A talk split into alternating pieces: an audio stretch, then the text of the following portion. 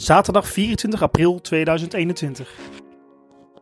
De Huigenstraat, de Spartastraat en de Spaanse bocht kleurden voor het eerst weer sinds lange tijd rood en wit. 2000 Spartanen waren welkom op het kasteel om hun club vooruit te schreeuwen in de strijd tegen VVV Venlo. In deze barre coronatijd zijn sommige dingen gelukkig niet veranderd. De Sparta-mars klonk uit de speakers en de Spartanen op de tribune stonden op om in mijn ogen het mooiste clublied van Nederland mee te zingen en de Spartanen naar voren te schreeuwen. Sparta Rotterdam. Opgericht op 1 april 1888 heeft een bijzondere historie. Deze oude dame zorgt al 133 jaar voor veel historie in het Nederlands betaald voetbal. Hoogtepunt als Europese overwinningen in en tegen Spartak Moskou en HSV. Ook dieptepunten als degradaties vormen deze club. Bij neerlagen of victorie in voor- en tegenspoed. Een bijzonder aspect bij deze club is dat ze erg bewust zijn van de clubcultuur die er heerst in en rondom hun club. Op zijn Spartaans is dan ook een bekende term geworden voor voetbal binnen Nederland. Wij van Staantribune zijn natuurlijk gericht op de voetbalcultuur die bij verschillende clubs zijn. Dat is ook de reden om in de podcast van Staantribune terug te gaan naar de basis. Wat houdt de voetbalcultuur in bij verschillende clubs in Nederland? Wat maakt voor supporters hun club de mooiste op deze aardbol? Wat zijn de mooiste verhalen rondom een club? Welke speler zal voor altijd een clubicoon zijn of als juist de grootste miskoop? Niemand kan dat beter vertellen dan de supporters. Zij die het hart vormen van de club. En wij trappen deze reeks af met Sparta. In ons midden hebben wij oerspartaan Peter van der Zwan. Hij is voorzitter van de vereniging De Sparta Supporter. Als iemand mij dat Sparta gevoel kan uitleggen, is het deze sympathieke Rotterdammer wel.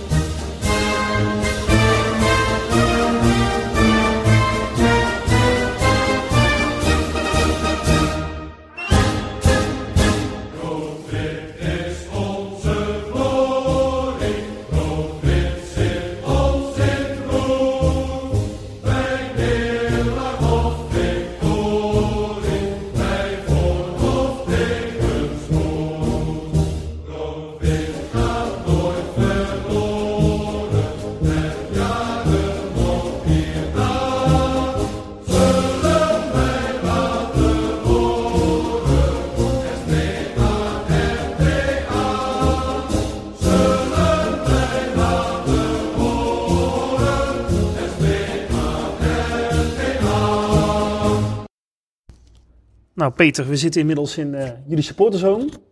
Zou je mij eens kunnen vertellen over uh, hoe jouw liefde voor Sparta is begonnen? Dat is ooit begonnen toen ik uh, jeugdspeler was bij Zwaluwe Vlaardingen, amateurteam. In de B-jeugd toen. Ik was een jaar of elf denk ik. En onze aanvoerder Vincent was jarig en die nam ons hele team mee op verjaardagsfeest naar Sparta. En um, een paar weken daarvoor was ik al een keer geweest, een paar maanden daarvoor zelfs in een tweede helft. Stiekem met een vriendje die hier in de buurt woonde. En uh, de supposter, nu stewards, die lieten ons de tweede helft stiekem naar binnen. Dat was al belevenis, kon ik nog een laatste kwartiertje zien of zo. Uh, maar die wedstrijd die ik met mijn team toen bekeken heb, was ongelooflijk. Onuitwisbare indruk gemaakt. Sparta Telstar voor de beker.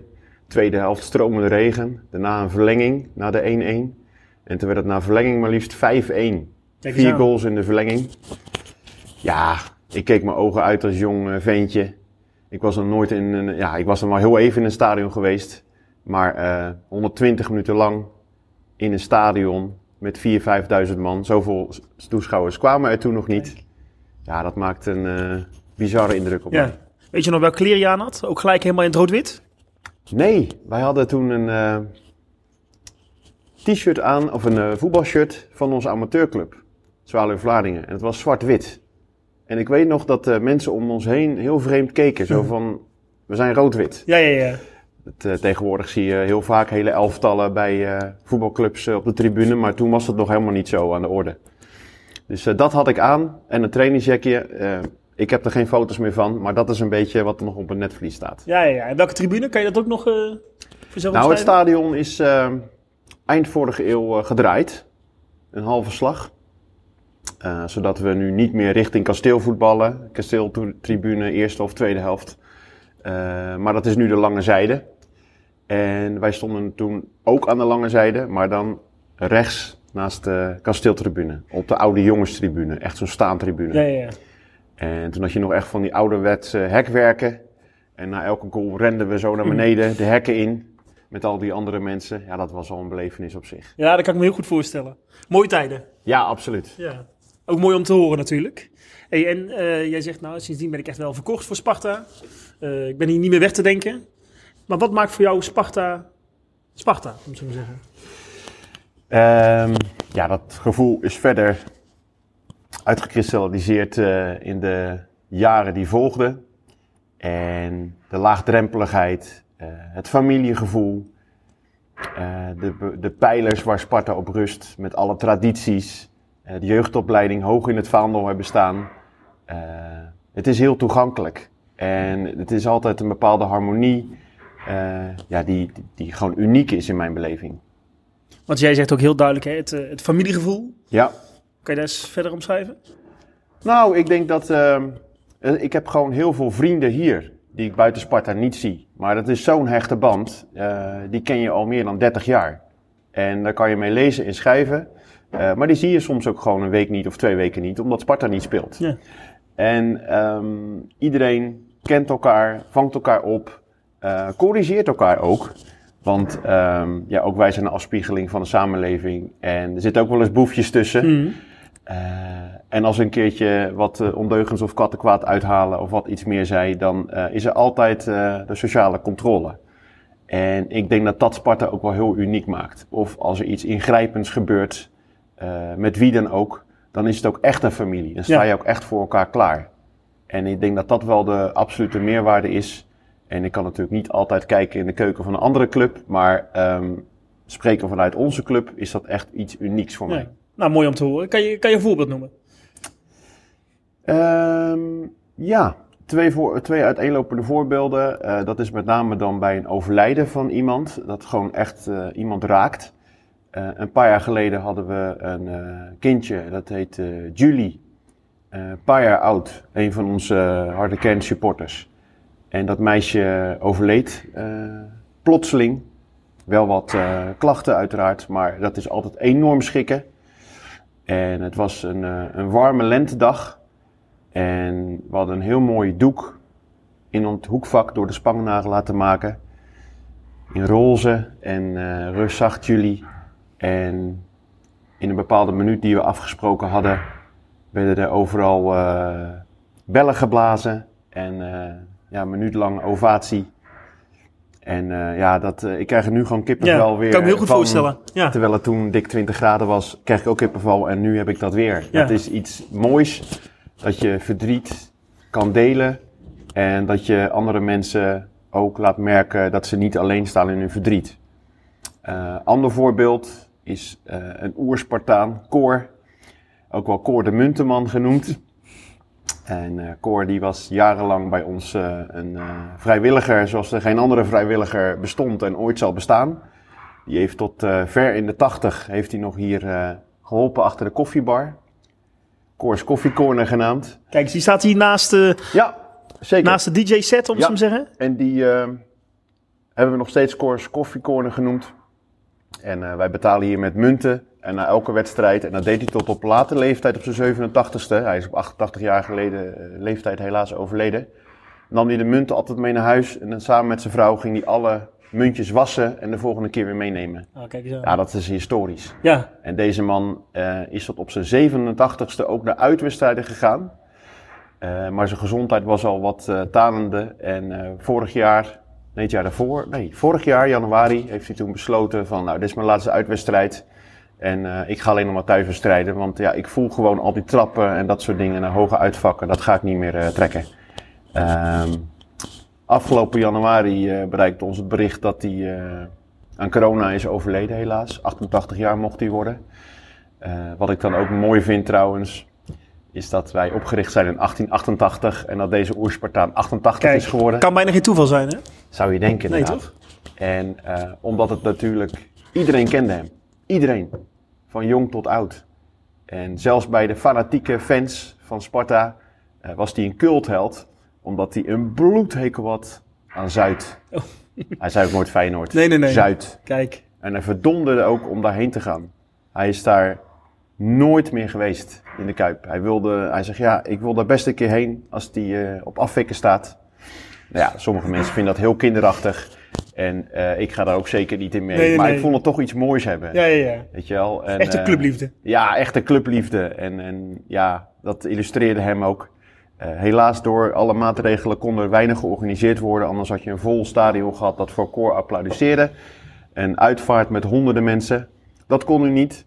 Maar spontaan organiseerden we de zaterdag nadat het gebeurd was hier een inloop. Waar wij mensen bloemen konden afgeven voor koor. Ah, dat werd massaal gedaan. Tientallen bossen bloemen werden hier afgegeven. En de eerstvolgende wedstrijd dat we hier speelden hadden we een heel mooi spandoek. Eh, zijn stoel, een mooi boeket en daaromheen een hele bloemenzee. Ja, en dat, nog even terugkomend op de Mhm. vraag, dat illustreert ook wel onze club. Ja, Van ja. jong tot oud, iedereen kent elkaar en iedereen staat voor elkaar klaar. Geweldig om te horen, toch? Absoluut. Ja, ja. En wat je ook zegt, hè, dat hier de koffiecorner nog steeds zo staat. Ja, dat eh, moet je zeker in eer houden. Het is een soort monument. Ja, Ja, absoluut. nou, klinkt heel goed. En je hebt het nu over eh, het supporterzoom, waar wij nu zitten. Ook over de eh, supportersvereniging, de Sparta Supporter. Daar ben jij voorzitter van. Ja. Kan je daar iets over vertellen? Zeker. Ehm, ik ben nu een kleine elf jaar bestuurslid. In eerste instantie was ik secretaris. En sinds anderhalf jaar ben ik eh, de voorzitter als opvolger van eh, Ad Borslap, die dat eh, heel lang heeft gedaan, maar het stokje heeft doorgegeven. En in die hoedanigheid ja, zijn we er voor de supporters, zijn we de spreekbuis naar buiten toe, overleggen we periodiek met Sparta. Ehm, en als er kwesties zijn of vragen vanuit de supporters, dan zijn wij vaak ook het doorgeefluik bemiddelen. En in die hoedanigheid hebben we een uitstekende verhouding met de club. Daar zijn we ook heel trots op. Eh, heel veel is bespreekbaar. ehm, en, en ja, daaromheen zijn we altijd zichtbaar bij thuis- en uitwedstrijden. Eh, kennen de mensen ons, spreken ze ons aan. Eh, en dat kan echt iets fundamenteels zijn, Mhm. maar het kan ook zo zijn. Wat denk jij wat het wordt vandaag? Ja, ja, ja. En daarnaast organiseren we ook ehm, busreizen naar uitwedstrijden uiteraard. Dat valt ook onder onze vlag. We hebben ook een officiële buscommissie. Eh, waar niet geheel toevallig mijn vriendin eh, de voorzitter van is. aan. Dus eh, samen bestieren we een beetje ja, het regelen van allerlei zaken. En ja, daarnaast, de laatste periode, we hebben natuurlijk een fantastisch seizoen gehad. eh, komen er heel veel persaanvragen. Ja, en dan staan we uiteraard ook klaar om met veel liefde en passie over onze prachtige club te praten. Kijk, dat is altijd goed, hè? Altijd mooi om over positieve dingen te praten. Ja, absoluut. En nu is het zaterdag, het seizoen zit erop voor Sparta. Het is regenachtig buiten. Maar kan je mij eens meenemen als het hier de eerste wedstrijd is, nieuwe seizoen? Nou, laten we gelijk maar zeggen... nee, ik ga trouwens niet jinxen met, met NAC. Laten we maar een andere tegenstander, eh, Sparta Heerenveen. Iedereen kan er weer bij zijn. Hoe moet ik het dan eh, hier zo zien?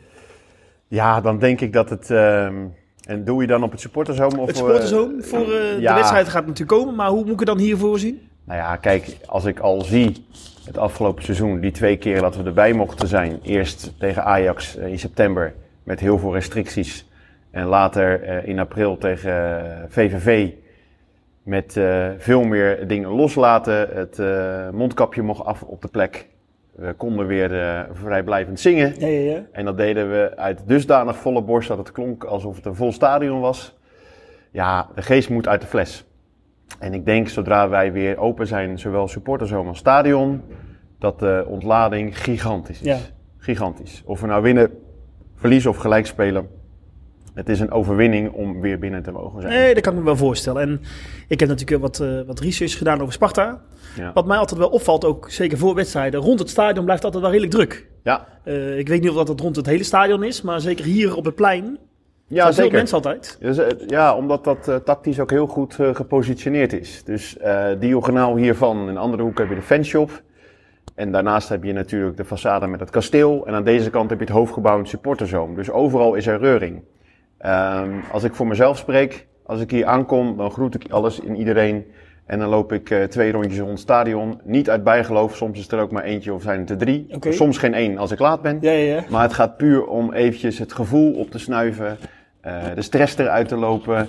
En ehm, ja, ook eh, wat bekenden te zien onderweg. Dus Ja. je hebt helemaal gelijk. Rondom het stadion is een heerlijke reuring. En merk je aan alles dat het een wedstrijddag is. Ah, mooi toch. En zijn er ook cafés in de buurt waar veel Ehm, sporters naartoe gaan? Niet vlak in de buurt. We hebben één café dat zit eh, in het verlengde van het kasteel. Als je dus heel die mooie lange weg eh, afloopt, de de Huigenstraat richting eh, de dijk. Dan heb je café Brouwershuis. En dat Mhm. is voor de harde kern wel een samenkomst om daar een pre-match drink Ja, ja, ja. te doen. Of daarna zelfs. Of nu in coronatijd daar de wedstrijd te kijken. Kijk, ook een En echt Sparta-café zitten. van ja, binnen? Ja, absoluut. Ja, er zijn ook wel wat, eh, wat uitingen daar. En eh, daarnaast in deze wijk Spangen heb je ook nog eh Cafetaria Florida. Wil ik ook niet onbenoemd laten. Ik denk dat iedereen die vanaf Marconiplein, station Marconiplein komt, langs Florida loopt en daar een snackie en een biertje hapt. En dat is ook wel een, eh, een samenkomst. Daar hangen ook de wedstrijdposters op, elke keer voor de eerstvolgende wedstrijd. En eh, net buiten deze wijk Spangen heb je de wijk Delfshaven. Ja? En daar zitten veel meer cafés en uitbaters. En eh, dat zijn, daar zitten ook typische Sparta-cafés. En, Sparta-kapper? Heb je ook toch? oh, zeker. Nou, als we het daarover Ja. hebben. Je hebt heel veel Sparta-beroepen, als het ware. je hebt Sparta-bakker inderdaad. Nou ja, de bakkerij is ter ziele gegaan helaas. Maar hij heet nog steeds de Sparta-bakker. Oké. We hadden ook een jarenlange traditie dat hij bij de eerste training een, eh, een Sparta-taart eh, aanbood aan de selectie. En een praatje. En de voorzitter hield dan een praatje van de supportersvereniging. Ehm dus de Sparta-bakker, de Sparta-kapper. Ja, je hebt er zoveel. Het is eh, ongelooflijk. Je hebt ook eh, Sparta-oma gehad, die ons helaas ontvallen is. Maar dat was een oma, een oudere vrouw dus, die eh, ook mee naar uitwedstrijden ging. En eh, zakjes vol met snoep meenam en eh, de, de bus ronddeelde. Ah. Ja, dat zijn markante Ja, figuren die ook wel, een ja. club als Sparta eh, maken. En eh, ja, prachtig. Ja, ik kan het niet anders zeggen, toch? Ja, Als ik het zo hoor. absoluut. Hey, super om hier te zijn. Eh, het leuke is bij jullie ook dat wij eh, ja, door de ene deur kunnen naar binnen gaan. En de andere deur hier achter mij, daar kom je eigenlijk gelijk in het stadion. Toch wel bijzonder, denk ik. Oh, absoluut. Ik voel me echt eh, heel erg bevoorrecht. En eh, zeker dit jaar waarin je verstoken bent van stadionbezoek eh, veelal.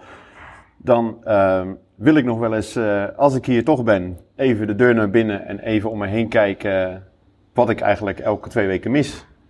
En dat komt enerzijds binnen, anderzijds geeft me dat ook weer een gelukkig gevoel. Want ik prijs me wel gelukkig in die zin.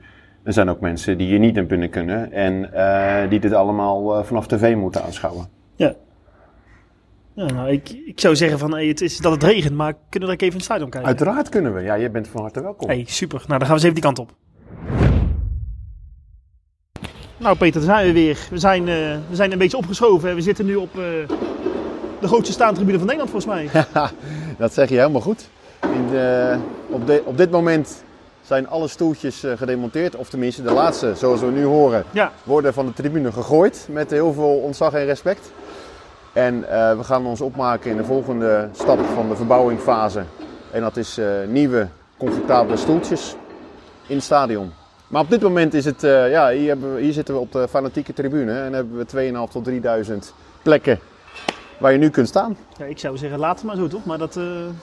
Nou ja, ik denk dat je die, verdeel- die verdeling wel altijd moet hebben. Je hebt natuurlijk hier, zoals we net ook bespraken, echt van de Sparta-families die met hun gezin lekker willen zitten. Met een biertje, eh fristie, eh, broodje kroket en de kleffe frikandel. ja, ja, ja. En je hebt mensen die eh, fanatiek achter de ploeg willen staan en daar is het staafvak eh, in het hoekvak voor de Spangenaren ja. voor. Waar je onderhand staat. Ja, waar ik zeker sta. Ja, Kijk. ja, tijdens de wedstrijd voel ik me vaak een jonge god van 20. Daarna wordt het eh, ietsje ouder. Maar eh, dat is wel mijn plek, ja. Kijk. Mooiste plek in het stadion ook voor jou? Ja, absoluut. Ja. Je hebt in de hoek gewoon een prachtig overzicht over alles. En eh, je kunt het prima volgen. Alhoewel ik eh, 90 minuten lang, net zoals die, al, die andere jongens, eh, flink aan het aanmoedigen ben. En dan zie je de helft niet. Maar eh, het is voor mij echt de mooiste plek om in het stadion te zijn. Ja. Kan ik me ook goed voorstellen. Nou, Peter, we zijn inmiddels weer op jouw plek beland. Waar jij normaal staat tijdens de wedstrijden. Ja. Mooiste plek in het stadion? Ja, absoluut. Het is voor mij eh dé plek waar ik eh, mijn Sparta-vrienden zie. En eh de perfecte plek om de spelers aan te moedigen. Eh, achter je club te staan. En eh, vanuit die hoek heb je een perfect overzicht over het hele veld. Niet dat ik er altijd veel van zie, want 90 minuten lang ben je die club aan het Ja, ja, aanmoedigen. ja. En, eh, nee, het is voor mij echt dé plek in het stadion. Absoluut. En wat voor sfeer hangt er nou op, op de fan- het fanatieke gedeelte? Is er iemand die, die iedereen aanmoedigt? Is dat nodig of is het meer dat het spontaan komt? Ja, we hebben een paar van die aanvoerders, capo's zoals je dat populair noemt tegenwoordig. Die de boel eh, vanaf een steentje eh, lekker opzwepen en eh, ja, de diverse Sparta-liederen ten gehore brengen. En ja, soms ontstaat er ook veel meer met deze tribune of de tribune ernaast. En dan, we zingen zelfs naar de overkant, zoals we dat bij NAC ook regelmatig doen. Ehm, en nog even terugkomend op familieclub. Aan de overkant, de Bok de Korf tribune, dat is bij uitstek voor de families. Daar heb je zelfs gezinskaarten, om nog eventjes duidelijk Ja, te maken dat we echt zo'n familieclub zijn. En daar wordt ook eh, gretig gebruik van gemaakt, eh, moet ik zeggen. Mooi, mooi om te horen. En wij liepen net eh, hier door de gracht van het stadion. Ja, heel veel afbeeldingen van oud-spelers. Ja, nee, absoluut. Kijk, je moet het oog zeker op de toekomst he- hebben. Daar kijken we rijkhalsend naar uit. Zeker nu we echt in de lift zitten. Qua exposure, qua toeschouwersaantallen, qua ranglijst ook. zeker dit jaar. Eh, maar we zijn ook heel trots op ons verleden. Want dat heeft ons gebracht waar we nu zijn. En als je ook de benamingen van de tribunes eh, langs gaat. We staan nu op de Dennis Neville tribune. Dennis Neville was een eh, zeer succesvolle trainer bij Sparta in de jaren 50. eh, die ons ook kampioen heeft gemaakt, de laatste kampioenenmaker. Aan de overkant zien we de Bok de Korver tribune. Die, een Bok de Korver was een van onze allereerste iconen eigenlijk. die ook het Nederlands elftal heeft gehaald. Eh, en aan de rechterkant zien we de Tony van Ede tribune. En Tony van Ede was een, eh, of is een icoon bij Sparta. Die ons helaas ook ontvallen is, zoals zoveel. En eh, Tony van Ede is ook kampioen geworden met Sparta. En mocht de winnende goal maken in Glasgow, in de Europa Cup, tegen Glasgow Rangers. En notabene, dat is ook niet onbelangrijk om te vermelden, er hangt ook een plaquette in de gracht. En aan de binnenkant, bij de facilitaire afdeling, is zijn urn bewaard met zijn as. Dat kunnen mensen misschien macaber vinden en denken van, eh, wat is dit? Maar het, is wel, het, het illustreert ook wel de club Sparta. Ja, Dus dat, eh, dat vind ik heel bijzonder. En eh, niet alleen in die gracht, maar ook in andere grachten zie je diverse afbeeldingen van ja, succesvolle spelers bij ons. ja. Nou, het is alleen maar heel goed denk ik dat er heel veel aandacht is voor, voor het verleden. Ja, Je ziet het ook altijd wel hè, als de camera aanstaat en je ziet het op tv. Het kasteel natuurlijk wat je recht voor de camera ziet. Clubliefde op zijn Spartaans. ja. Eh, ja, wat, eh, wat gevoel krijg je als je dat zo ziet? ja, het is natuurlijk een marketing eh, uitdrukking op zijn Spartaans, zoals eh, heel veel op zijn Spartaans is bij ons. Soms eh, lijkt het misschien iets wat veel, maar eh, ik herken me er altijd in, dus het is niet te veel. En eh, de clubliefde op zijn Spartaans is dat je, nou dat zullen heel veel clubsupporters eh, diezelfde ervaring voelen. Je staat onvoorwaardelijk achter je team, of je nu 16e staat in de keukenkampioen divisie of achtste zoals ons, zoals wij eh, in de eredivisie. Ja, dat, eh, dat is onvoorwaardelijk en voor altijd. En eh, ja, de een maakt dat mee door elke week te gaan, uit en thuis. En de ander door alleen maar thuis te gaan. Dat is voor ieder anders. Maar iedereen voelt diezelfde liefde voor zijn club. Ja, en ik, jij, jij benoemt natuurlijk hè, de familieclub. Klaar voorbeeld. Was hier net de jeugd aan het trainen op het veld met Ja. eh, Michel Breuer. Ja. Die komt jou even hallo zeggen. Zegt veel over de club, denk ik. Ja, zeker. Het is, eh, het is niet alleen de supporters onderling, maar ook als supportersvereniging hebben wij natuurlijk een, eh, een taak. Of ik zie het als taak om ook de verbinding te zijn tussen zowel kantoor als de spelers naar de supporters toe. En ik wil ook heel graag dat spelers ons begrijpen hoe wij ons voelen. En andersom, die interactie. En niet alleen op het veld eh, naar de tribunes toe, maar ook buiten het veld. En eh, ja, Michel is natuurlijk een cultheld die eh, ons mede kampioen heeft gemaakt in 2016. Van de Jupiler League toen nog. En ja, het is ook zo prachtig dat dat soort oudspelers... dat, is, dat is ook echt beleid bij Sparta. Oudspelers op belangrijke posities zetten intern. Ja. Zodat je ook nog meer dat clubgevoel cultiveert. En Michel is jeugdtrainer al een aantal jaar. En doet dat met heel veel plezier en passie. En zo zie je dat bij heel veel oudspelers. eh Nathan Rutjes. eh, en in de selectie zit ook Gerard de als assistent-trainer. En Nico Jaling, Mhm. Noordin Bukari. Allemaal oudspelers die hier op hun plek zijn. En dolgraag eh, ja, voor deze club willen werken. En, Oer-Spartaan, om het zo maar te zeggen. Ja, zeker. Ja. En om nog even door te gaan over ja, wat doet Sparta daar aan en wat doet Sparta daarmee. Die eretribune, als je daarop zou inzoomen tijdens een wedstrijd, zitten daar tal van sparta corifeeën Dus eh, allemaal oudspelers die een plekje krijgen van onze club. En waar onze club, club eh, heel goed voor zorgt. Dus dat vind ik ook super belangrijk. Ja, dat kan ik me heel goed voorstellen. Eh, waar zie jij de club over tien jaar? Poeh. Nou ben ik gelukkig geen beleidsmaker en dan kijk ik niet heel ver vooruit. Als we het over cultuur bijvoorbeeld hebben, voetbalcultuur. Oké, ja. Nou ja, zoals we nu bezig zijn om ons uit te dragen en eh, ons eh, nog meer op de voetbalkaart te zetten, die combinatie met name, denk ik dat we op de goede weg zijn. Eh, ik denk wel dat je ons merk nog meer, het merk Sparta, het klinkt een beetje Mhm. obligaat, maar het merk Sparta, om dat nog meer voor het voetlicht te brengen. Ja, dat zou ik nog wel ver- verder willen zien eh, uitgebuit hebben. Ja, Uitgebuit klinkt misschien niet zo heel positief, maar, nee, maar ik we- weet je, ik snap wel wat je bedoelt. dat we nog meer Ja, laten zien waar wij voor staan. En dat wij gewoon een ongelooflijk unieke club zijn. De alleroudste professionele voetbalclub in Nederland. We waren met heel veel dingen het eerste. eh, met een internationale wedstrijd spelen. Niet te vergeten ook eh, dat we de allereerste waren in de jaren 80 met shirt sponsoring. Wie kent het shirt niet? Met de Eftelingen op. Hè, met eh, Louis van Gaal, Ja, ja, Danny ja, Blind ik, en dat soort gasten. Die ons prachtige shirt mochten aantrekken. Ja, dat soort dingen die maken Sparta gewoon een onwijs unieke club. En nu we het toch over hebben, de jeugdopleiding waar we het net over hadden, de jeugdteams. Ja, Sparta heeft natuurlijk waanzinnige paaltjes voorgebracht. Hè? Van Kevin Strootman tot eh, Nick Viergever, eh Jetro Willems, Martin de Roon. Ja, noem ze allemaal maar op. Dat zijn allemaal jongens die hun sporen nu aan het verdienen zijn of hebben verdiend in het Europese voetbal. En die hier hun eh, eerste stap hebben gezet. Of Depay, die op jonge leeftijd al richting PSV ging. eh 14, 15 was hij volgens mij. En Wijnaldum, die is ook hier begonnen en eh weggepikt door eh, onze zuidenburen. ja. Dus ja, wat dat betreft eh, zijn we de apen trots op. En wordt de jeugdopleiding ook echt heel serieus genomen. En is daar echt beleid op. En is dat een van de pijlers waar onze club op rust. ja. Dat gaat ook eigenlijk heel goed, hè, de laatste jaren, toch? Zeker, we brengen steeds meer nieuwe talenten voort. En eh, het, wordt, het wordt en blijft natuurlijk altijd heel lastig. Want eh, de vijver waarin je vist, daar vissen ook de topclubs in. Hè, en, en Feyenoord eh, komt hier ook wel eens om de hoek kijken. En soms pikken ze ook wel wat jongetjes spelletjes. Dat is helaas aan de orde van de dag. Maar ja, er komen gewoon weer nieuwe talenten aan. Je hebt gezien met de broertjes Duarte en nu zeker ook met Haroui.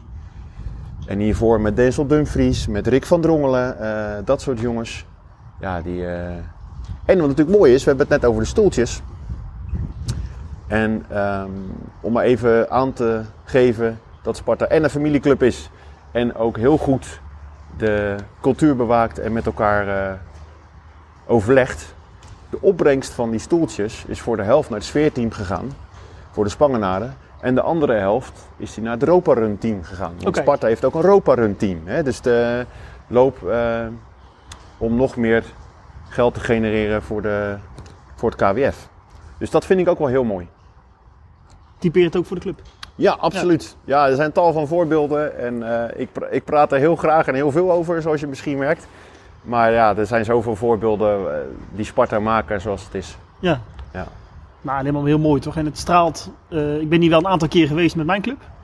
Maar het straalt ook echt wel voetbal uit eh, van binnen. Ik eh, kijk nu voor me, ik zie de, de vlag van Sparta boven op het dak, meerdere zelfs. Ja, Ik zie natuurlijk echt bekende termen hier staan, hè, door de hemelpoort. ja dat is een quote van Jules Deelder. Ja. Dat de hemelpoort verdacht veel weg heeft van het kasteel.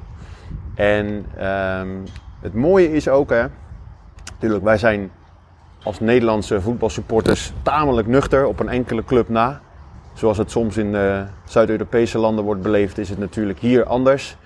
Maar dit soort teksten verschijnen ook vaak op rouwkaarten als een eh, Spartaan eh, jammerlijk is overleden. En dat wil ook wel heel erg veel zeggen. Hè, er zijn heel veel Spartanen die, eh, of Spartanen die overlijden die iets van Sparta op hun rouwkaart of tijdens de uitvaart eh, laten zien. Ik je net eh, zeggen, ander onderwerp, Jules Deelder. Markant figuur natuurlijk. Ja. Is dat ook in jouw ogen de meest eh, markante supporter in de historie van Sparta? Nou, supporter eh, in die zin niet. kijk, het is natuurlijk een echt uithangbord. En hij had heel veel liefde en passie voor Sparta. Ehm, en hij heeft ook mooie gedichten erover gemaakt. Vaak ook in aanwezigheid van Hugo Borst op de tribune. Zeker een markant Spartaan. Maar ja, je hebt natuurlijk heel veel markante supporters ook echt gehad. Ehm, Sparta Piet, dat, daar begint het eigenlijk mee. Dat is onze mascotte. eh, die eh, meegaat het veld op met de spelers. eh, is ontstaan. Uiteraard zit het in het, club, of, in, de, in het clublied verweven, in de Sparta-mars. Maar met name Frans Heister ging in de vroege jaren van de vorige, of in de vorige eeuw ging hij mee met een vogelkooitje. En daar had hij een kleine kanariepiet in. Dat, die bracht geluk. Dus hij is eigenlijk de voorloper van alle mascottes die je nu op de velden ziet. Of tenminste Ja, ja. de voorloper van de Sparta Piet zoals wij hem hier kennen. En eh, zowel uit als thuis nam hij het vogelkooitje mee. En eh, dat, dat zijn wel historische verhalen. En dat eh, is ook weer zo'n mooi voorbeeld van onze mooie club. Dat het dan later wordt verwerkt in onze mascotte. Ja, En ik denk eigenlijk, want dat zijn natuurlijk verhalen volgens de overlevering die ik zelf niet heb meegemaakt. Maar ehm, als je het hebt over de markantste supporter, dan is het wel Frans Heister. Dat absoluut, ja. mooi om te horen. Zullen we nog een stukje verder lopen? Ja, uitstekend. Nou Peter, wij staan inmiddels in het uitvak van, eh, van het kasteel. Kan je me daar iets meer over vertellen? Ja, eh, je, zoals je ziet zijn die al voorzien van de stoeltjes die over zijn gebleven uit de andere vakken. Dat, eh, die moest natuurlijk een klein beetje hufteproef zijn. En eh, ik kan ook niet wachten tot het uitvak weer helemaal vol zit. En dan heb je natuurlijk altijd diverse tegenstanders. zoals NAC hopelijk in het nieuwe seizoen. Of op een ander moment. waar we heerlijk Sparta is de club van Rotterdam kunnen Ja, ja, ja. zingen naar elkaar toe.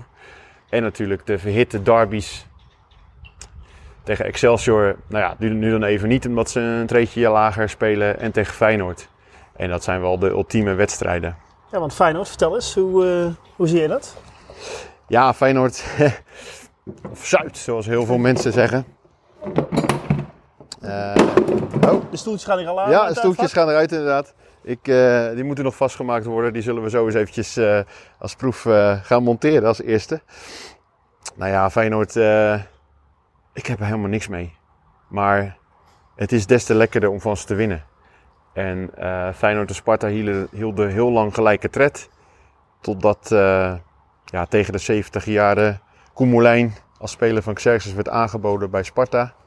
En eh, hij niet werd aangenomen. Toen hadden we nog een ballotagecommissie, et cetera. En ik weet niet op wat voor criteria die is afgevallen. Maar daarna ging hij voor de zuidenburen spelen. En de rest is geschiedenis. Ze wonnen Europa Cups, eh, overvleugelden ons. En eh, wij moesten uiteindelijk zelfs eh, een treetje lager uitzingen een aantal jaren. Maar als je nu merkt, als we tegen ze spelen, hoe het leeft. En als we winnen, wat voor enorme vreugde-explosie dat geeft. Ja, dan illustreert dat wel hoe graag we van die club willen winnen. En met Excelsior hebben we op een gegeven moment, omdat de rivaliteit met Feyenoord een beetje naar de achtergrond was verdreven, hebben we heel wat robbertjes uitgevochten. Onder andere een zeer pijnlijke degradatie. Ik wou net zeggen, want ik eh, kan me de beelden nog herinneren dat eh Fernandes hier in het uitvak kwam rennen. Ja, wie zei je? Ja, precies. Ik, eh, Ja, daar ben ik nog gillend. ja, Ja, ik meest heb, pijnlijke moment voor jou als Spartaan? ik, ik heb nog jaren onder behandeling gelopen bij de dokter daarvoor. Nee. Nee, het was echt eh, vreselijk. Ja, zeker de manier waarop. Ja. Je, je, je denkt de winnen te maken en een minuut later maken zij, waardoor zij, ja, je gaat van de hemel naar de hel. Ja, Even heel eh, metaforisch gezegd. En ja, dat was een eh, vreselijk moment en dat heeft je jarenlang achtervolgd. Al niet in de laatste plaats omdat de Excelsior fans daar ook wel flink op inhakten. Ehm, en laatst was het ook 16 mei. En, eh, want dat was de datum waarop het gebeurde. En toen keek ik eens even naar de ranglijst bij ons. En naar de ranglijst in de eerste divisie waarin zij helemaal geen play-offs haalden. En dat doe ik, dat doe ik dan heus niet lacherig of wat dan ook. Maar dan denk ik van ja, moet je kijken waar je nu staat, zoveel jaren later. En wat eh, goed beleid met een club kan Ja. doen. want dat is natuurlijk wel, weet je, eh, we gaan positief eindigen. Dus ik noem direct jouw hoogtepunt van Sparta. Maar jou, is dat jouw dieptepunt, degradatie in 2010? Ja, dat is wel een heel triest dieptepunt. Eh, niet alleen door het moment en de manier, maar ook door het enorme gevoel dat je erbij had. En dat je dacht, nou, dit is zo'n het einde van onze club bijna, weet je wel. Hoe komen we hier in godsnaam ooit nog uit? Dus ja, dat is wel uh, het verdriet dat je met mensen uh, ja, zag doen. Dat, ja, dat was onbeschrijfelijk. En uh, ja, het kan, ik kan het gevoel zo weer oproepen. Alhoewel dat het natuurlijk wel heel erg is verzacht door de laatste jaren met, opgaande, met de op, opgaande lijn die we zijn ingezet. Ja, en nu we toch in het uitvak staan, een stukje normalisatie, hoe denkt Sparta erover? Nou ja, die probeert natuurlijk zo goed en zo kwaad als het kan. Proberen ze mee te kijken, mee te denken wat de mogelijkheden zijn. Zowel voor de supporters eh, van ons, om te kijken uh, of iets soepeler of makkelijker kan. Maar ook voor de uitsupporters.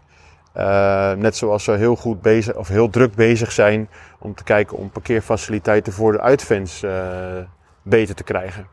Want ja, echt parkeren bij het uitvak kan je amper. Dan moet je echt naar de overkant. En dat we heel vaak wel eens lokale driehoek als uh, te gevaarlijk worden bestempeld.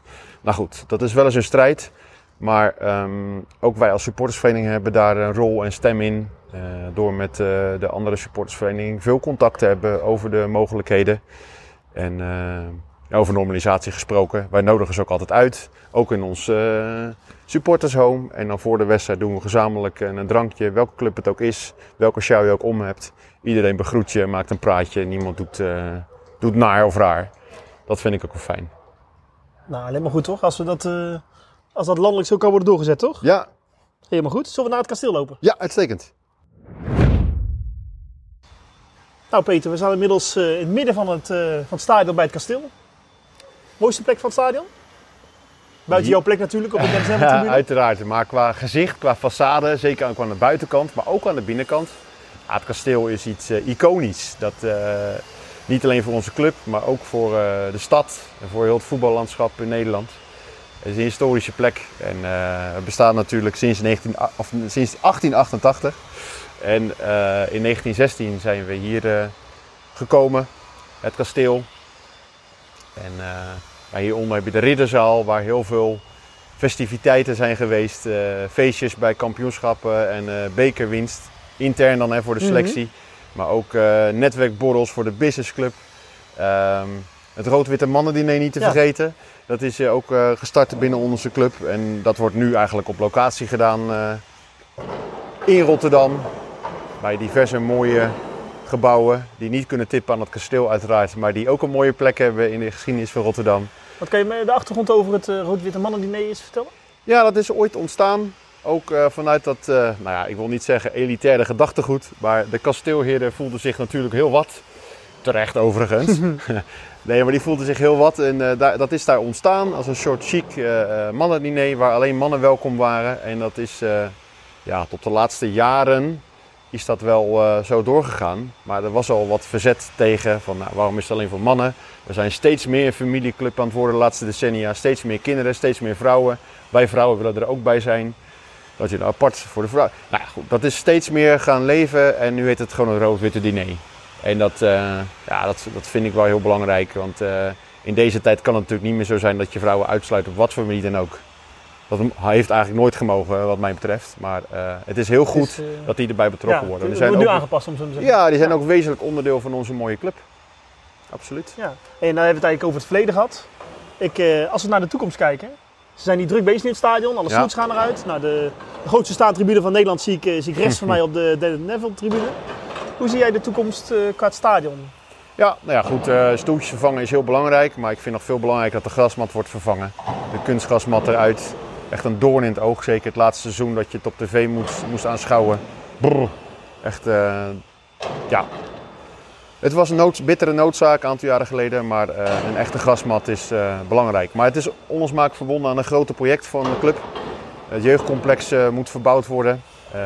en daar gaat dan de selectie trainen. Alle jeugdteams die nu binnen trainen, die moeten daar gaan trainen. Als dat op orde is, dan gaat de grasmat hierin. En hopelijk gaat het volgend jaar zomer gebeuren, want dat is, een dat is de hele strakke planning. En dan hebben we nog maar een jaar met deze vermaledijde kunstgasmat te maken. En daarna gaan ze weer de publieksfaciliteiten aanpakken, catering, toiletgroepen en als laatste stap de groei uit ons jasje met 11.000 man uh, altijd uitverkocht. Gaan we de tribunes verbouwen, uitbreiden, op wat voor manier dan ook.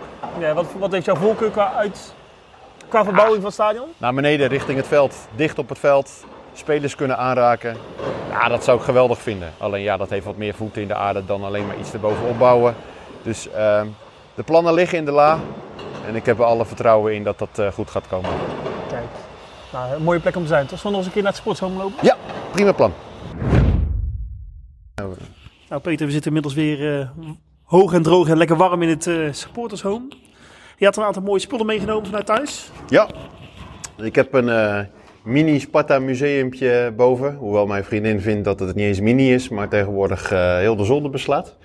En eh, wat een club als Sparta ook altijd wel bijzonder maakt, is dat er zoveel boeken over worden uitgegeven. Een stoeptegeldik boek toen we 125 jaar bestonden, met de rijke historie daarvan in opgesloten.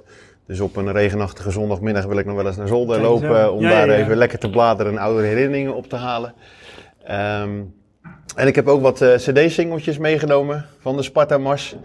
En zelf van Johnny Hoes, het Sparta Lied. Nou ja, dat is natuurlijk de Sparta Mars uiteraard, geen Sparta Lied, foei. Ehm, ja, en we hebben ook een eh, mooi eh, supportersblad. Het eh Kasteelnieuws, wat vroeger echt een klein blaadje was, maar inmiddels echt ruim 50 pagina's beslaat. En we zes keer in het seizoen uitgeven. Voor onze leden exclusief. En waar we ook heel erg trots op zijn. En natuurlijk een wedstrijdgedragen keepershirt van eh Maduka Okoye. Daar ben ik ook heel trots op. En eh, om nog maar eventjes onze jeugdopleiding te benadrukken. Een paar keer per seizoen dan eh, gaan ze in de verkoop. En dan zijn ze ook heel rap weg. Het is een dure hobby moet ik zeggen. Ik heb er al drie aangeschaft dit seizoen. En de, de opbrengst gaat volledig naar onze jeugdopleiding. Dus zo'n shirt is zo'n, nou niet eens het shirt, heel het tenue zelfs. Ik heb ook nog een broekje en de, en de sokken, de kousen. En eh 75 keer eh aantal shirts. En dat dan een aantal keer per jaar is dan de opbrengst voor de jeugdopleiding. Kijk dus dat aan. vind ik ook wel een heel mooi en nobel streven van de club. Ja, mooi shirt. Ja, eh, wat ik nog heel graag over het shirt en over de rugnummers wil vermelden. Dat is ook iets ty- typisch Sparta. Wij zijn als enige club in het land eh, die de rugnummers 1 tot en met 11 hebben in het veld. Dus neem een voorbeeld. Brian Smeets is eh, onze nummer 10 op dat moment. Maar als hij niet speelt, dan heeft Laros Duarte nummer 10. Dus we hebben geen idiote rugnummers als eh, 29 of eh, 81, zoals je wel eens voorbij ziet komen. 1 tot en met 11. En ook in, daarin ademt tra- traditie en eh, oog voor gevoel. Ja, Absoluut. en is dat altijd zo geweest bij Sparta? Eh, dat, is al, dat is niet altijd zo geweest. We hebben ook een periode gehad dat er eh, hogere nu- rugnummers kwamen. Maar eh, wat ik eerder al zei, eh, we hebben cultuurbewaker binnen onze club, Stichting 1888. Die waakt over heel veel dingen, waaronder rugnummer 1 tot en met 11. eh, het heilige rood-witte shirt dat altijd aan een bepaalde eisen moet voldoen. En daar hoort dit ook weer bij. Ja. En kan je me nog iets vertellen over die eh, commissie? Eh, die hebben dus een aantal taken, wat je zegt. Is dat van alles wat? Zijn dat sponsoren die er ook in zitten? zijn het dat alleen zijn, eh, supporters? Het zijn echt supporters eh, met hart voor de club. Er zitten ook wel wat eh, echt vermogende mensen ook in, maar die brengen geen geld in of wat iets meer zij. Maar zijn, zijn echt het eh, hoogste orgaan binnen de club. En wat ik ook belangrijk vind, eh, zeker in deze tijd eh, van vercommercialisering, is dat er ook over de aandelen en over de toekomst van Sparta eh, goed wordt nagedacht. En dat er nooit een meerderheidsbelang in handen valt van een ander. Nooit zal er meer dan 49% van de aandelen verkocht worden. Zolang die stichting 1888 bestaat. Dus dat vind ik eh, heel belangrijk. En wat ook belangrijk is, dus wat ik net ook zei, het eh, shirt van, ons, eh, van ons eerste elftal en van heel de club. Dat gaat altijd langs de stichting 1888 voor het komende seizoen om daar hun oordeel over te vellen. En eh, die hebben dus altijd daar de laatste, nou ja, niet de laatste, maar die hebben daar ook echt een belangrijke stem, laat het zo zeggen. Ja. Hey, en we hebben het nu over shirts. Wat is jouw eh, favoriete Sparta shirt? Mijn favoriete shirt, ja, dat is eigenlijk het, eh, het laatste shirt voordat de sponsoring in begin jaren 80 ingevoerd werd. Eh, wij waren natuurlijk de eerste met eh, sponsoring, met de Efteling daar keurig netjes op. Hè, Louis van Gaal, Danny Blind, en noem al die eh, iconen maar op. Die ons mooie shirt hebben gedragen. Maar het shirt daar vlak voor, het magelijke rood-wit met alleen maar het R'tje van onze shirtsponsor eh Robij. Ja, dat vind ik eh, het mooiste shirt dat er bestaat. Ja. En dat het nu toevallig ook de sponsor is. Doet je dat dan ook goed? Nou, dat is een ja. Doet me heel goed. Ik ben heel blij met ze. Ehm, zij zijn sinds eh, een eh, flink aantal jaren weer uh, kledingsponsor van ons. En het is een typisch Rotterdams bedrijf. Want Robij, ik zal niet heel veel reclame maken, maar ik wil het toch gezegd hebben. meneer Beijer, daar komt de bij vandaan. En Ro staat voor Rotterdam. Dus die, samenvoeg, die samenvoeging heeft de uh, naam Robij uh, opgeleverd. Dus het is ook nog eens een typisch Rotterdams bedrijf. Uh, dat ook nog eens klassieke voetbalshirts maakt. En ja, daar ben ik apen trots op. En dat maakt ook weer compleet het verhaaltje rondom de traditie Sparta. Ja, en weet je, de thuisjes lijken natuurlijk altijd op elkaar en dat hoort ook zo. Wat is nou jouw, het lelijkste Sparta-shirt? Ik denk dat we dan naar een uitshirt kijken. Ja. ja, dat is mijn stokpaardje. Um, zoals we al eerder zeiden, van, er zijn dus natuurlijk shirts die uh, hun cultuur te grabbel gooien en alles maar vercommercialiseren tot en met het uh, thuisshirt aan toe. Doorn in het oog. Um, maar de uitshirts, die worden nog wel eens uh, bedacht met het logo in meekleurend met het uitshirt.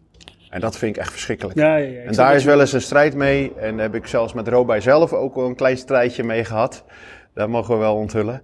Uh, maar ik mag ook onthullen dat in het uh, nieuwe uitzet voor het komend seizoen, die we helaas nog niet te zien hebben gekregen, dat daar het uh, logo, het originele logo van Sparta weer op zit. Ja, want af, afgelopen seizoen natuurlijk, het uitshirt was het logo meegekleurd. Ja, ja, ja dat, dat, dat klinkt misschien groot, maar ik vind het heiligschennis. Als je staat voor je waarden, voor je normen, je waarden, je tradities, je bent daar trots op dan uh, moet je dat niet te grappen gooien. En helaas staven de cijfers niet, want uh, die shirts worden het meest verkocht. Maar met name onder de jeugd. Ja. Omdat ze zien dat bij clubs als uh, Man City, Paris Saint-Germain, gebeurt het aan de lopende band. En daar lopen ze mee, die kindjes op school, et cetera. Dus die kopen ook zo'n uitshirt en die geven er niet om. Kijk, ik heb nu een trainingspak van Sparta aan. En is het logo ook anders gekleurd. Maar dat vind ik de grens. Snap je? Dus op trainingskledij, prima. Zover ben ik al. Daar verzet ik me niet meer nee, tegen. Nee, nee. Maar het logo op het, uh, ook op het uitshirt moet gewoon exact hetzelfde zijn als op het thuisshirt, in mijn optiek. Nee, Kijk, het derde, het derde shirt vind ik ook nog tot daar aan toe. Maar je toont jezelf als Sparta zijnde in je uit- en je thuiswedstrijden in je shirt met je originele logo.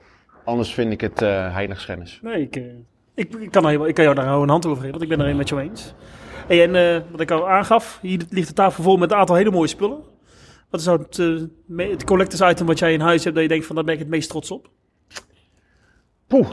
Um, ja, ik heb, ik heb heel veel wat, wat oudere spullen. En daar ben ik heel trots op. Uh, maar waar ik het meest trots op ben eigenlijk is een wedstrijdgedragen shirt van Juri Rozen tijdens een van de memorabele overwinningen op uh, Feyenoord eerder deze eeuw. En na die wedstrijd was iedereen uitzinnig en uh, gooide hij zijn shirt en ik was de gelukkige die hem mocht vangen met rug nummer 7. En die prijkt keurig op mijn kledingrekje boven op zolder tussen alle andere wedstrijdgedragen shirts. Die gaat niet aan? Die gaat nooit aan, nee, nee, nee, zeker niet. Nee, die koester ik, daar kijk ik af en toe naar. En dan uh, verschijnt er een brede glimlach en heel veel beelden weer op mijn netvlies. Bukari die de, de winnende maakte. Ja, nee, prachtig, absoluut. Uh, de laatste overwinning op Zuid, zoals we dat zo zeggen hier in deze stad. Ja, dat is een uh, memorabel moment. Helaas heb ik dat shirt niet, maar dat is wel een van de historische momenten van ons club. Ja, dat kan ik me goed voorstellen. Nou, dan zullen we nog eens even kijken naar het museum. Ja, uitstekend.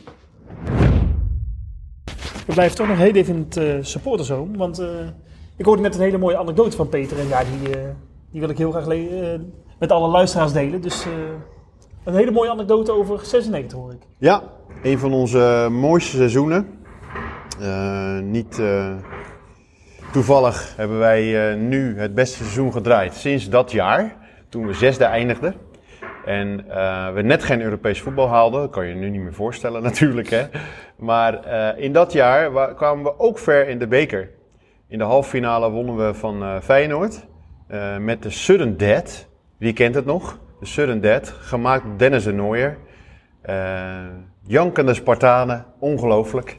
Het ultieme was bereikt. De vijand verslagen en in hun stadion de bekerfinale mogen spelen. En die speelden we tegen PSV. En over de wedstrijd hebben we het verder even niet. Buiten de Los van het- van Sparta? Los van het feit dat we met eh 5-2 eh, verloren. We maakten inderdaad een geweldige goal. Eh, eentje van Dave van der Meer vlak voor rust. De aansluitingstreffer, de 1-2. En vlak voor, of tenminste kwartier voor tijd maakte Dennis een Nooy de 2-3. Maar ja, daarna ging het weer open en was het eh, 2-5 helaas. En eh, mochten we een heel mooi seizoen eh, niet besluiten met Europees voetbal. Maar wat er eh, vooraf ging, ehm, een deel van de supporters, zo'n 3000 man, liep de Sparta-mars vanaf het kasteel naar de Kuip. Ja, dat, was, dat heeft zo'n bizarre indruk op mij gemaakt. Ik was toen 18 en eh, ik eh, liep dus mee in die mars. Ergens in het midden, denk ik. Ik was nog zeker geen roerganger of voorganger in wat dan ook. Ik was heel eh, erg op de achtergrond. En ehm, wat me met name ook op, bij is gebleven en op is gevallen. De beroemde Erasmusbrug in Rotterdam, de Zwaan ook wel genaamd, die was toen in aanbouw. Daar liepen we nog niet overheen. Dus we moesten een brug verder, dat was een brug te ver, naar de, eh, over de Willemsbrug. Dus het was nog iets verder lopen dan dat het nu zou zijn. En eh, toen we in de wijk Feyenoord kwamen, Afrikaanderwijk, het eh Oranjeboomplein, wat je daar allemaal hebt, had je zo waar Feyenoorders die op een tuinstoeltje in de voortuin zaten en ons eh, begeleiden met applaus richting de Kuip. Zo van pak die gasten, dan blijft de bekerwinst in Rotterdam. Dus er was een soort van, ja, er was geen animositeit, er was gewoon een soort van eh, vriendschappelijk gebaar. Dat eh, wij niet echt heel goed konden plaatsen, omdat we ja, de ronde daarvoor in de halve finale juist wonnen van ze. Maar eh, ja, dat, viel me wel op en dat is me altijd bijgebleven. Maar die Sparta-mars, ja, als je nu nog mensen over spreekt die er toen bij waren, ja, die, eh, die kijken daar met heel veel eh, gevoel en liefde op terug. En ik kan een klein beetje onthullen, dat mag misschien niet, maar ehm ESPN, of de makers van het ESPN eh, documentaire programma, die zijn er ook met deze mars bezig van 96.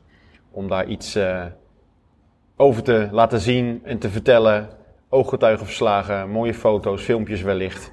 Dus eh, ook daar kijk ik weer rijkhalsend naar uit. Ja, dat kan ik me goed voorstellen. Dat zijn toch wel eh, de mooie momenten van de club dan, toch? Ja, absoluut. Kijk, eh, een club als Sparta is geen topclub.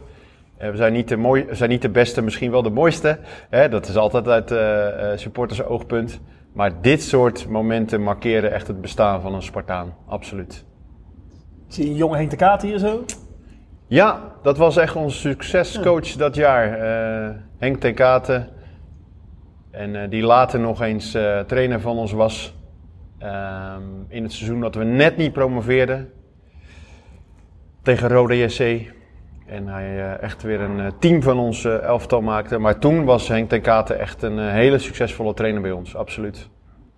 Nou, ziet er mooi uit. Mooie herinnering volgens mij. Ja, Ja, warme, waardevolle herinnering. En niet onterecht en eh, niet toevallig dat wij hier een hele mooie fotocollage in ons supportershome eh, hebben hangen aan dat eh, prachtige jaar en die mooie gebeurtenis. nou, helemaal mooi. Goed om te zien.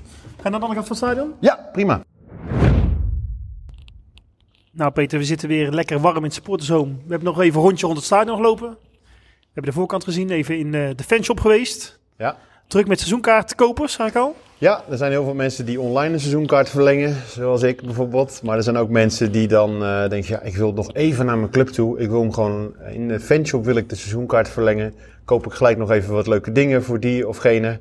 En eh, ja, dan eh snuif ik ook weer nog eventjes die Sparta-sfeer op om het seizoen mooi af te sluiten. En we zagen verschillende mensen in de fanshop rond het stadion rondlopen. Dus alsof er over een paar uur wedstrijd is, hè? Heerlijk hè? Ja, heerlijk. Spartaanse visboer, hebben we nog gezien? Ja, zeker. Heel gaaf. Die kwamen we ook nog tegen. Dus naast de Sparta Bakker Kapper hebben we ook de Sparta Visboer. En eh, leuk om te vermelden is ook, eh, ik, was, ik ging daar vaak heen op vrijdagmiddag. En eh, wat het Sparta personeel op kantoor dan vaak deed, is zo'n visschotel bestellen. Dus eh, ik zag heel vaak eh, op dat moment, rond vijf uur, zag ik een visschotel vanuit de visboer richting eh, Sparta gaan. om de vrijdagmiddagborrel Ja, ja, ja, luister bij kijk te eens zetten. aan. Ja, een van die markante Sparta-begrippen. Ja, dat, dat weten niet veel mensen denk ik, maar alleen maar mooi om te horen. Bij deze. Ja, toch? hey, jouw, wat is jouw mooiste Sparta-wedstrijd? Mooiste. Poeh. Ja, dat zijn er best wel wat hoor. En ik vind het, als je puur kijkt naar de wedstrijd aan zich, zonder de uitslag, Dan is ehm, Sparta Utrecht, halve finale beker in 2004. Is toch wel een van de mooiste wedstrijden van Sparta waar ik ooit ben geweest. Ondanks dat we naar penalties verloren. Want dat was natuurlijk uh, de bitterzoete bijsmaak. Of de bittere nasmaak zelfs. Um, het was een wedstrijd die alles had. Uh, na verlenging 3-3. Uh, laatste minuut Joost Broers, uh, die namens Utrecht uh, onze bekerfinale droom in duigen schoot. Wij hadden spelers als Levchenko, Ricky van den Berg, Kieran Beggan, noem ze maar op. En na penalties verloren. En dat was net zo'n moment als van de week. We zaten er heel dichtbij, net niet. Maar een paar dagen later overheerste dan toch weer de, de enorme trots. Um, en een wedstrijd uit een uh, kort verleden. Dat was in 2016, de kampioensstrijd tegen Jong Ajax. En we hebben natuurlijk jarenlang in die uh, Jupiler League uh, moeten bivakeren. En we dachten van na jarenlang wanbeleid en weer allemaal exotische spelers overal vandaan halen. Het gaat nooit meer gebeuren. Waar, waar glijden we naar af? Clubs als MVV en Den Bosch naar beneden zien gaan. Gaan wij dan ook die kant op? Of dat was ook de periode dat clubs als uh, Veendam en... Um, RBC? Nee, RBC, dat natuurlijk, ja. RBC, AGOVV, ja. dat die ten onder gingen. Gaan we dan ooit daarheen, weet je wel, doemscenario's. En dan ineens, dan uh, win je, dan word je kampioen in 2016. En wat er dan ontstaat, dat, uh, daar krijg ik ook nu weer kippenvel van. Het was een... Een geweldige wedstrijd ook, waar alles op en aan zat. We moesten winnen om die avond kampioen te zijn. We maakten 1-0, maar het werd 1-1 een kwartier voor tijd uh, door Deli Sinkgraven. Notabene, André Onana stond op goal bij Jong Ajax. En uh, ja, vlak voor tijd maakte cultheld Michel Breuer de 2-1. Nou, toen zag je al mensen over de boarding rollen en half op het veld. Het zijn echt epische beelden. En in de laatste minuten maakte Cheryl McDonald en alles een einde 3-1. En um, er werd afgefloten en uh, direct al honderden mensen die klaar stonden en uh, de pitch invasion. En vervolgens uh, ja, werden dat duizenden mensen. Ik denk dat uh, naar schatting waren er 5.000, 6.000 mensen op het veld. Van de pakweg 11.000 die er waren. En hadden we een fantastisch feest tot in de hele kleine uurtjes van de nacht. Dus ja, dat is qua totaalbeleving en qua wedstrijd een van de mooiste waar ik bij was. Ook niet alleen de wedstrijd zelf, maar puur de euforie en de ontlading. De blijdschap, uh, de tranen van blijdschap na afloop. Ja, die zie ik nog zo uh, bij ieder voorbij. En ik zie mezelf trouwens ook als een maloot met een Sparta-vlag over uh, het veld heen rennen. Als ik nog wel eens foto's zie of tv-beelden. Ja, dat zijn uh, ongelofelijke beelden. Kijk eens aan. Nou, we wachten op de documentaire van ESPN. Wellicht. Dat, dat, dat ze jou volgen nou, bij de huldiging. Nou, dat hoeft dan ook weer niet. Uh, het gaat vooral om Sparta Rotterdam. Maar uh, nee, dat, dat, dat, het, het was een fantastische, ja, fantastische dag. Ja. Nou, het is je van harte gegund. Hey, we, uh, we hebben net even kort over Europese wedstrijden gehad, buiten de uitzending. de laatste keer dat Sparta Europees heeft gespeeld was het in de jaren 80, begin jaren 80. Maar ik hoorde net van jou dat in 2014 Sparta ook een keer een uitwedstrijd heeft gespeeld tegen Burnley. Ja, 2013, 2014. Um, ja, eindelijk weer Europees. Ik uh, mocht er ook een stukje over schrijven voor een uh, site. En um, heel veel jonge Spartanen of iets oudere Spartanen, als ik ben begin 40, die hebben de Europese wedstrijden niet of niet bewust meegemaakt van de jaren 80. Hè. De glorietijden waarin we vaak van de topploegen wonnen, al helemaal thuis. En we echt in de subtop stonden permanent. En uh, uitwedstrijden legendarisch tegen HSV, waar ook een documentaire over gemaakt is trouwens. Het wonder van HSV. Het wonder van Hamburg. Met uh, keeper Bas van Noordwijk, uh, nu afzwaaien en teammanager bij Feyenoord. Die toen een helderrol vertolkte en een aantal reddingen verrichtte in de beslissende serie. En ja, dat, dat zijn geweldig geweest. Spartak Moskou met Rinald Dasayev, de keeper die in 88 ja. tegen Nederland... reactie had. Ja, ja zeker. Um, maar we speelden dus uit tegen Burnley. Een uh, pre-season match. we werden uitgenodigd op Turf Moor. En uh, zo'n heerlijk klassieke stadion van Burnley. Met die turnstiles. En ja, dat was fantastisch om mee te maken. We gingen met de boot. Een deel ging met het vliegtuig. Sommigen met de auto. Wij gingen met de boot. En we hadden zowel heen als terug hadden we prachtig weer. Dus uh, over de Noordzee met een uh, lekker zonnetje op het dek. Met alle sixpacks, uh, biertjes, koelboxen. Natuurlijk geen minuut geslapen, alleen maar door zitten zuipen. Ja. door naar die wedstrijd. Zoals het hoort bij een Europese wedstrijd natuurlijk. Hè? Exact, de totale voetbalbeleving. Ja, zeker met de boot, heerlijk toch? Absoluut, ja. Nee, dat, dat was prachtig. Alhoewel ik in de hut waar ik sliep, was naast de machinekamer. Dus ook om die reden deed ik geen oog dicht. Was blij toen ik het hotelkamertje was. Um, en de wedstrijd op zich, ja, Johan Voskamp uh, die scoorde 0-1. En daarna werd het 1-1, 2-1, 3-1, 4-1. En um, ja, sindsdien ben ik Burnley ook echt gaan volgen. Heb ik een sjaal, een shirt uh, daar ook gekocht als aandenken. En uh, werd ik echt gegrepen door die Engelse voetbalcultuur en het stadion. lekker rauw. een pub aan de overkant van het stadion waar Spartanen en Burnley-fans door elkaar heen liepen. Heb ik ook prachtige foto's van. En dat is echt een moment dat ik uh, voor altijd zal koesteren. En het is jammer dat het nog geen vervolg heeft gekregen. Dat horen we nog wel eens. Um, maar wat ook nog wel eens doorklinkt, en het is misschien nog heel even leuk om te noemen.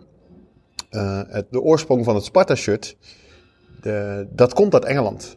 Um, de oprichters van Sparta, die uh, zagen over zee, zagen, over zees zagen ze het Sunderland-shirt, rood-wit. En dat vonden ze zo'n gaaf shirt dat ze dat meenamen. En dat trokken ze als eerste aan. En dat werd ook echt het Sparta-shirt. Dus de oorsprong van het shirt van Sparta ligt in Engeland uh, besloten. En dat is het shirt van Sunderland. Kijk eens aan. Dus dat, uh, ja, dat was ook wel mooi. En wellicht spelen we ooit een keer tegen Sunderland. Of wat voor Engelse club dan ook. Uh, waardoor we in ieder geval weer een soort van Europese wedstrijd hebben. Want ja. dat smaakte wel heel snel naar meer. Nou, dat kan ik me goed voorstellen als, als Spartaan. En nou, leg het voor bij de club. En het zou altijd mooi zijn als dat. Uh, ja, nee, zeker. Het heeft met heel veel dingen te maken. Het heeft met geld te maken natuurlijk. Want bepaalde clubs willen. Hè, dat is ook een keer gebeurd, uh, of geprobeerd. Om toen we 125 jaar bestonden in 2013. Om uh, Celtic hierheen te halen. Dat ook uit 1888 komt. Maar die vroegen een bizar geldbedrag van tienduizenden euro's. Volgens mij ging dat richting 70 of 80.000 euro. Dus ja, nee, dat, krankzinnig. Voor nee, een club als Sparta niet te doen eigenlijk. Nee, en los daarvan, ja, dat, dat moet je dat willen. Dat, ja. dat, dat, moet je dat willen inderdaad. Dan uh, laten we dan maar lekker tegen uh, heerlijke clubs als Burnley spelen. Uh, of als Cardiff of noem maar iets. Dat, is, dat vind ik dan veel leuker dan tegen zo'n hele grote club. Dat hoeft voor mij ook niet. Nou, snap ik heel goed. Nou, Peter, ik wil jou in ieder geval bedanken voor jouw uh, rondleiding hier op het kasteel en al jouw mooie verhalen over Sparta. Ik heb er in ieder geval heel veel van geleerd. Ik heb heel veel uh, ervan kunnen genieten. En ik hoop de luisteraars van Staantribune natuurlijk ook. Dus uh, hartstikke bedankt ervoor. Heel graag gedaan, Hugo. Ik vond het heel leuk om te doen. En ik vertel altijd met heel veel plezier, liefde over mijn club. Soms misschien iets te veel. Maar dat wordt uh, ongetwijfeld netjes geknipt uh, in deze uitzending. Kijk, dat gaat Jeroen doen. Dat, uh, dat moet goed komen. Maar voor alle luisteraars, bedankt voor het luisteren. En uh, voor opmerkingen kunnen jullie altijd een mailtje sturen natuurlijk naar uh, podcast.staantribune.nl. En uh, dan gaan we binnenkort weer een keer een andere club behandelen. Tot ziens.